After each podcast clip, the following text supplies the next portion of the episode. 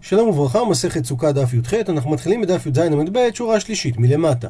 נזכר בגרסת המחלוקת בין רב ושמואל ששנו בנהר דעה, שלפי שמואל סכך פסול באמצע פוסל בארבעה טפחים, וסכך פסול מן הצד פוסל בארבע אמות. לעומת זאת, לפי רב זה לא משנה בין מן הצד בין באמצע, הפסול של סכך פסול זה רק ברוחב של ארבע אמות.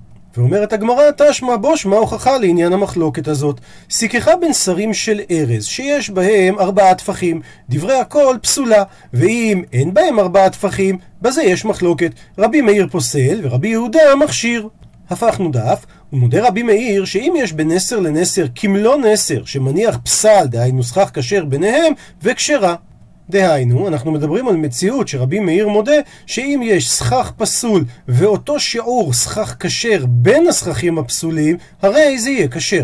ואומרת הגמרא, בישלמה נוח לי להבין לפי למאן דאמר, בין באמצע בין מן הצד בארבע אמות, שרק אז הסוכה תהיה פסולה, שזו שיטת רב, משום הכי, משום כך, רבי מאיר מודה שכשרה. שהרי במקרה המדובר אין לנו רצף של סכך פסול של ארבע אמות, אלא למאן דאמר. אבל השיטה שאומרת שזה שיטת שמואל, שבאמצע הפסול הוא בארבעה טפחים, אמה היא כשרה? מדוע הסוכה הזאת כשרה? הרי כל אחד מהנסרים יש בה שיעור לפסול את הסוכה אם זה מקום שאנחנו לא אומרים דופן עקומה. והרי אנחנו מציירים עכשיו סוכה כזאת שהיא מבולבלת. שיש לנו סכך כשר, סכך פסול, סכך כשר, סכך פסול. ואם הסוכה הזאת היא גדולה, אז הרי אותם שנמצאים חוץ מארבע אמות מצמוד לדופן, הם ודאי צריכות לפסול אותה. וממילא קשה על הסברו של שמואל. ענה הגמרא אמר רב הונא ברי דרבי יהושע, הכה הברייתא כאן דיברה בסוכה דלא הביא אלא שמונה לפי הבח אמות מצומצמות עסקינן. לא פחות ולא יותר, וזה לפי חשבון של 48 טפחים, שכל אמה היא שישה טפחים. והוא ארגן את הסכך באופן הבא: ויאיב הוא נתן נסר ופסל ונסר ופסל ונסר ופסל מהאי גיסא מצד אחד, ונסר ופסל ונסר ופסל ונסר ופסל מהאי גיסא מהצד השני. יוצא שמכל צד הוא בעצם שם סכך מעורבב בין סכך כשר וסכך פסול באורך של 24 טפחים, ככה הוא הגיע לאמצע הסוכה, ואז הוא חזר והתחיל גם מהצד השני באותו אופן. באופן הזה נוצר מצב דהבו להו שני פסלים באמצע, שזה בעצם רוחב של שמונה טפחים, וממילא ואיכא ויש הכשר סוכה באמצע. אז יוצא שיש לנו דופן עקומה מצד ימין, דופן עקומה מצד שמאל, ובאמצע את הסכך הכשר, שרק זה הסוכה הכשרה, בגודל של שמונה טפחים רוחב. ממשיכה הגמרא אמר אביי, אוויר ברוחב של שלושה טפחים. אם מדובר בסוכה גדולה, דהיינו שהיא יותר מגודל של שבעה טפחים על שבעה טפחים, ומיעטו, והוא מיעט את האוויר הזה, בין אם הוא עשה את זה בקנים, בין אם הוא עשה את זה בשיפודים, באופן הזה אבי מיעוט. לעומת זאת, אוויר שלושה טפחים שנמצא בסוכה קטנה, שכל השטח שלה זה שבעה טפחים על שבעה טפחים, אז זה תלוי. אם הוא מיעט את זה בקנים, האבי מיעוט, אבל אם הוא מיעט את זה בשיפודים, לא אבי מיעוט. מקום אוויר שלושה טפחים באמצע הסכך פוסל את הסוכה כולה. כאשר בא האדם ומיעט את המרחב של האוויר או על ידי שיפודים שהם פסולים לסכך או על ידי קנים שהם כשרים לסכך אז אם מדובר בסוכה גדולה זה אכן מועיל. כי בפועל כבר אין פה אוויר ג' טפחים, ואם הוא מיעט את זה על ידי שיפודים שזה סכך פסול, הרי ראינו שתי דעות מה הרוחב של סכך פסול כדי לפסול בסוכה, שזה או ארבעה טפחים או ארבע אמות, ולכן במקרה הזה זה לא יפסול את הסוכה. לעומת זאת, בסוכה קטנה שכל השיעור שלה זה מצומצם, שבעה טפחים על שבעה טפחים, אז זה תלוי מה הוא מיעט.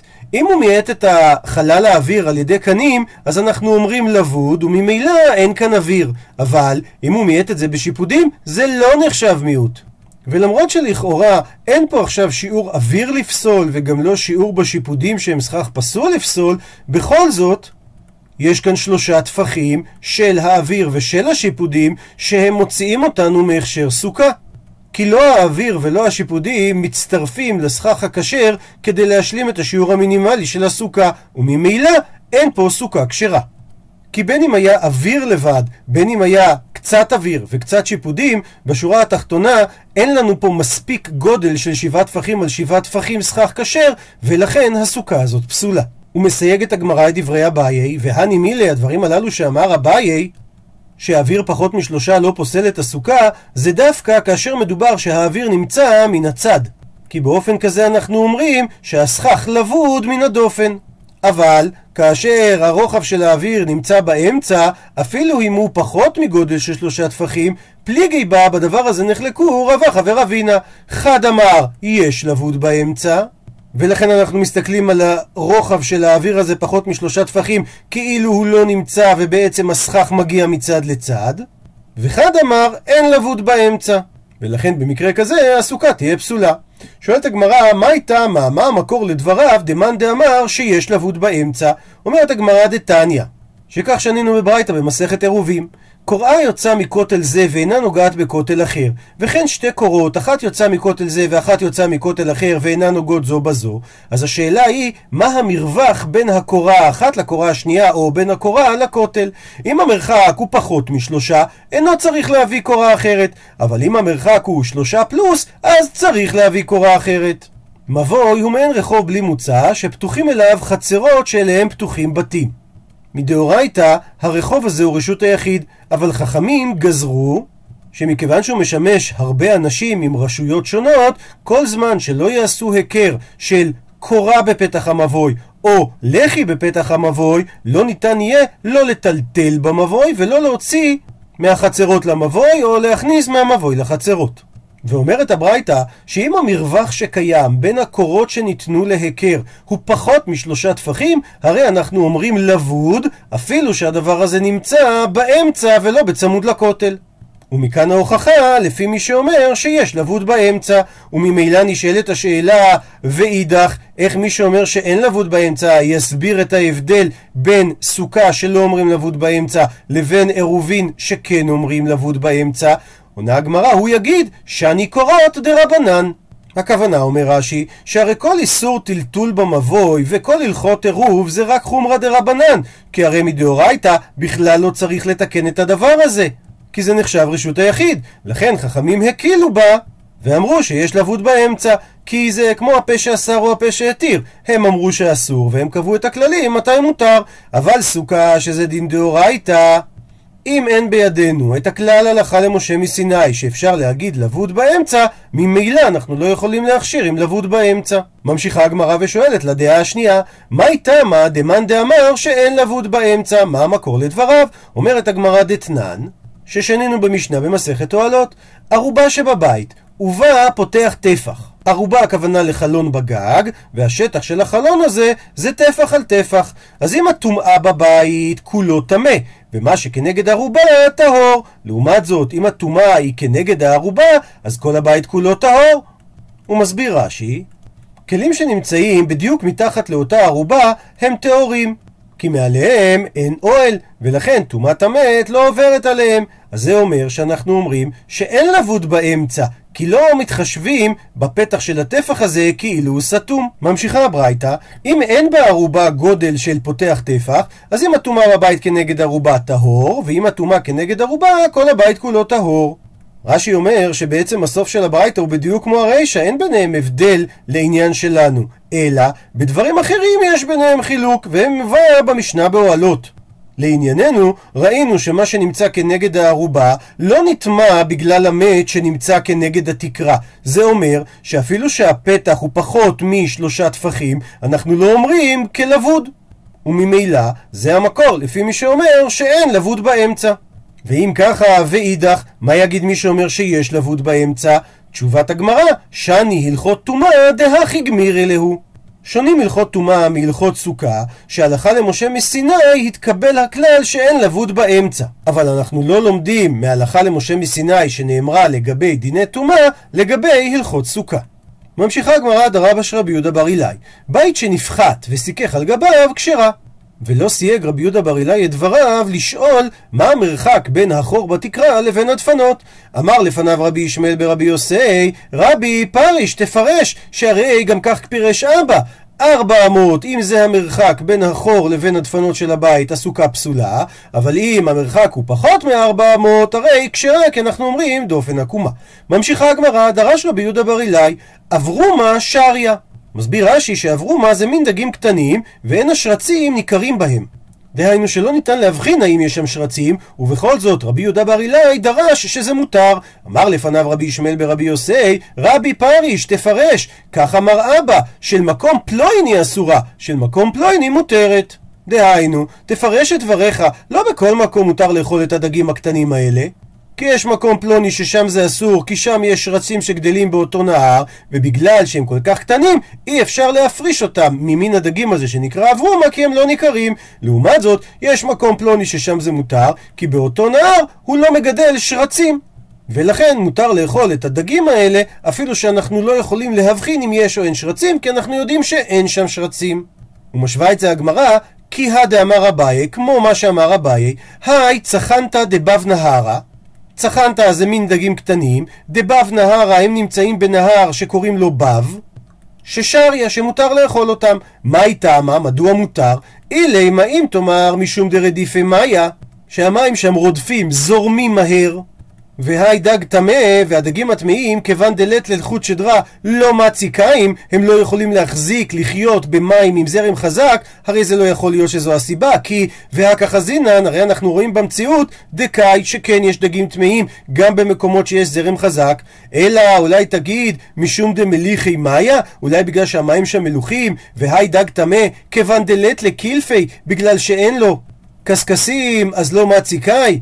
הוא לא יכול לעמוד במים המלוכים, כי אין הקשקשים שיגנו עליו מהמליחות, גם זה לא יכול להגיד. למה? והככה זינן, כי הרי אנחנו רואים במציאות דקאי שכן יש דגים שאין להם קשקשים, שהם דגים טמאים, שעומדים במים מלוכים, אלא, מה הסיבה? משום דלא מרע בתינאיו. שהטיט הנמצא בתחתית הנאה הוא לא מרבה, הוא לא מגדל דג טמא. ואם הוא לא מגדל דגים טמאים, אז אנחנו לא צריכים לחשוש, ואפשר לאכול את אותה צחנתה, מין דגים קטנים, בלי לחשוש. מסייג את הדברים אמר אבינה, והעידנה, ועכשיו בימינו, שעשו שם עבודות תשתית, ודשפכי נהר איתן ונהר גמדה לאטם, והזיזו את שפך הנהרות שנקראים איתן וגמדה לנהר שנקרא בב, הרי עכשיו אסירה. אסור לאכול את דגי הצחנתה מנהר בב, כי הנערות האחרים כן מגדלים שקצים, ומהם יורדים לאותו נהר השקצים והרמסים. חוזרת הגמרא לענייני סוכה. איתמר, פתיחה למחלוקת המוראים. סיכך על גבי אכסדרה שיש לה פצימין כשרה. מסביר רש"י, חצר המוקפת אכסדרה, כמו שפירשנו במשנה, שהוא סיכך באווירה של החצר, והוא סמך את הסכך על שפת הקירוי של האכסדרה. ואין מחיצות פנימיות מועלות לסוכה, שהרי יש בתקרת האכסדרה יותר מארבע אמות עד הדפנות הפנימיות. אבל לצד הסוכה יש לאכסדרה פצימין, הכוונה עמודים כמין חנולות, ובין העמודים האלה יש רווח פחות פחות משלושה טפחים. ממילא הסוכה כשרה, כי אנחנו אומרים בין העמודים האלה דין לבוד. כך יוצא שהעמודים של הסוכה יוצרים את הדפנות של הסוכה, ולא הדפנות של הבתים שהם מקיפים את האכסדרה. מה קורה באכסדרה שאין לה פצימין, שאין את העמודים האלה? פה יש מחלוקת. אביי אמר כשרה, ורבא אמר פסולה.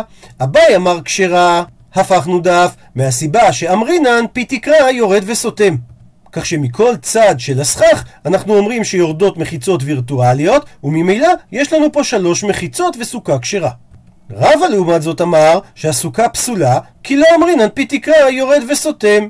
אמר לרבא לאביי, לדידך, לשיטתך, דאמרת שפי תקרא יורד וסותם, האם אתה תגיד אותו דבר, אפילו הפחית דופן אמצעי?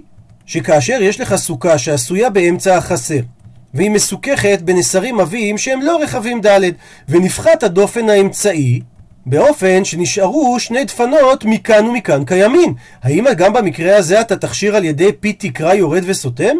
כי לכאורה זה בדיוק כמו האכסדרה שאפשר לומר פי תקרא יורד וסותם, אבל יוצא שזה מנוגד למה שאמרנו שהמינימום של דפנות הסוכה זה שלוש דפנות. אמר לי, עונה הבאי לרבה, מודין עליך בהאי, אני מודה לך במקרה כזה, מדוע? דהבה לי כמבוי המפולש. שכיוון שיש אוויר פתוח בין צד אחד לצד השני, זה ממש דומה למבוי מפולש, לרחוב שעוברים מצד לצד, והוא עשוי לקפנדריה לבקיעת רבים. דהיינו, אנשים עוברים שם מצד לצד, וזה נראה בסתירה למחיצות וירטואליות. מה שאין כן בסוכה שנמצאת בתוך האכסדרה, שזה לא כמו מבוי מפולש, ולכן שם אנחנו כן נגיד פי תקרא יורד וסוטה מכל הכיוונים. מסביר רש"י שבשלב הזה הגמרא מבינה שהטעם של רבא שאומרים פי תקרא יורד וסותם, אבל רק אם מדובר בצד אחד או בשניים ולא מעבר לכך. ולפי זה, לימה אולי נאמר שאביי ורבא בפלוגתא דרב ושמואל כמפלגי, הם נחלקו במחלוקתם של רב ושמואל דאיתמר, ששנינו את מחלוקתם במסכת עירובין. אכסדרה בבקעה. מעין פרגולה שעומדת בבקעה, דהיינו שאין שום דפנות של בית שקרובות לה. רב אמר, מותר לטלטל בכולו בשבת או ביום טוב, למה? דאמרינן פי תקרא יורד וסותם, ואז בעצם יש לנו ארבע מחיצות מארבע כיוונים, זה רשות היחיד, מותר לטלטל תחת הפרגולה הזאת. ושמואל אמר, אין מטלטלים בה, אלא בדלת אמות. למה? דלא אמרינן פי תקרא יורד וסותם. ורש"י מביא את הגמרא בעירובין שמסבירה שלפי שמואל אם כל ארבעת הדפנות חסרים, אנחנו לא נאמר פי תקרא יורד וסותם. אבל אם יש איזושהי דופן אחת שלמה, במקרה כזה, שמואל כן יסכים שאומרים פי תקרא יורד וסותם בשאר הפתחים של הפרגולה. אז אולי נאמר שהבאי כשיטת רב ורבא כשיטת שמואל? דוחה הגמרא ואומרת, אליבא דשמואל כולי עלמא לא פליגי. לפי מה שאמר שמואל, כולי עלמא דהיינו אביי ורבא, לא חולקים, שוודאי רק שיטת רבא מתאימה לשמואל, ואביי לא יכול להעמיד את דבריו כשמואל. שהרי אם לעניין שבת, שמחיצות פי התקרה, דהיינו הקורות של הפרגולה של האכסדרה הזאת, הן עשויות בשביל האכסדרה הזאת, כי הרי התקרה עצמה היא צורך האכסדרה. בכל זאת, שמואל לא אמר שאנחנו אומרים שם גוד אחית מחיצתא, אז ודאי לעניין סוכה, שהמחיצות שלמעלה, אותם קורות של התקרה, לא לשם הסוכה נעשו. אלא לצורך תוכן, לצורך הבתים שמקיפים את המחיצה, אז ודאי ששם שמואל לא יאמר שזה סוכה עם מחיצות כשרות. הפכנו דף, כי פליגי, במה כן נחלקו אביי ורבא? אליבא דרב, שלפי שיטת רב, אביי ודאי אומר כשיטת רב. שכמו שלאכסדרה בבקעה יש מחיצות מכל הצדדים, כך גם הסוכה היא מחיצות מכל הצדדים. ורבא אמר לך שלא בהכרח רב לא סובר כמותו, כי עד כאן לא אמר רב האטם. מה שרב אמר לגבי האכסדרה בבקעה, שאנחנו אומרים פי תקרא יורד וסותם, זה בגלל אלא דמחיצות לאכסדרה ודאבידי. שהרי המחיצות הווירטואליות שיורדות שם מהמחיצות, מפי התקרה, זה פי תקרה שנעשה עבור הגג של האכסדרה. אבל האחה, אבל כאן במקרה של הסוכה שמוקפת באכסדרה, דלאו להכי אבידי. שהמחיצות, דהיינו הקורות, שמהם אתה רוצה להוריד באופן וירטואלי פי תקרה יורד וסותם, הם לא נעשו עבור החלל שנמצא מתחת לסכך, אלא דווקא עבור מחוץ לחלל שנמצא מתחת לסכך, עבור החלל שקרוב לבתים. ולכן במקרה הזה, גם רב יסכים שלא אומרים פי תקרא יורד וסותם. כי מה שהתורה אמרה הלכה למשה מסיני, שאומרים גוד אחית מחיצתא, זה דווקא במחיצה העשויה לחלל שלה, ולא במחיצה העשויה לחוצה לה. עד לכאן דף י"ח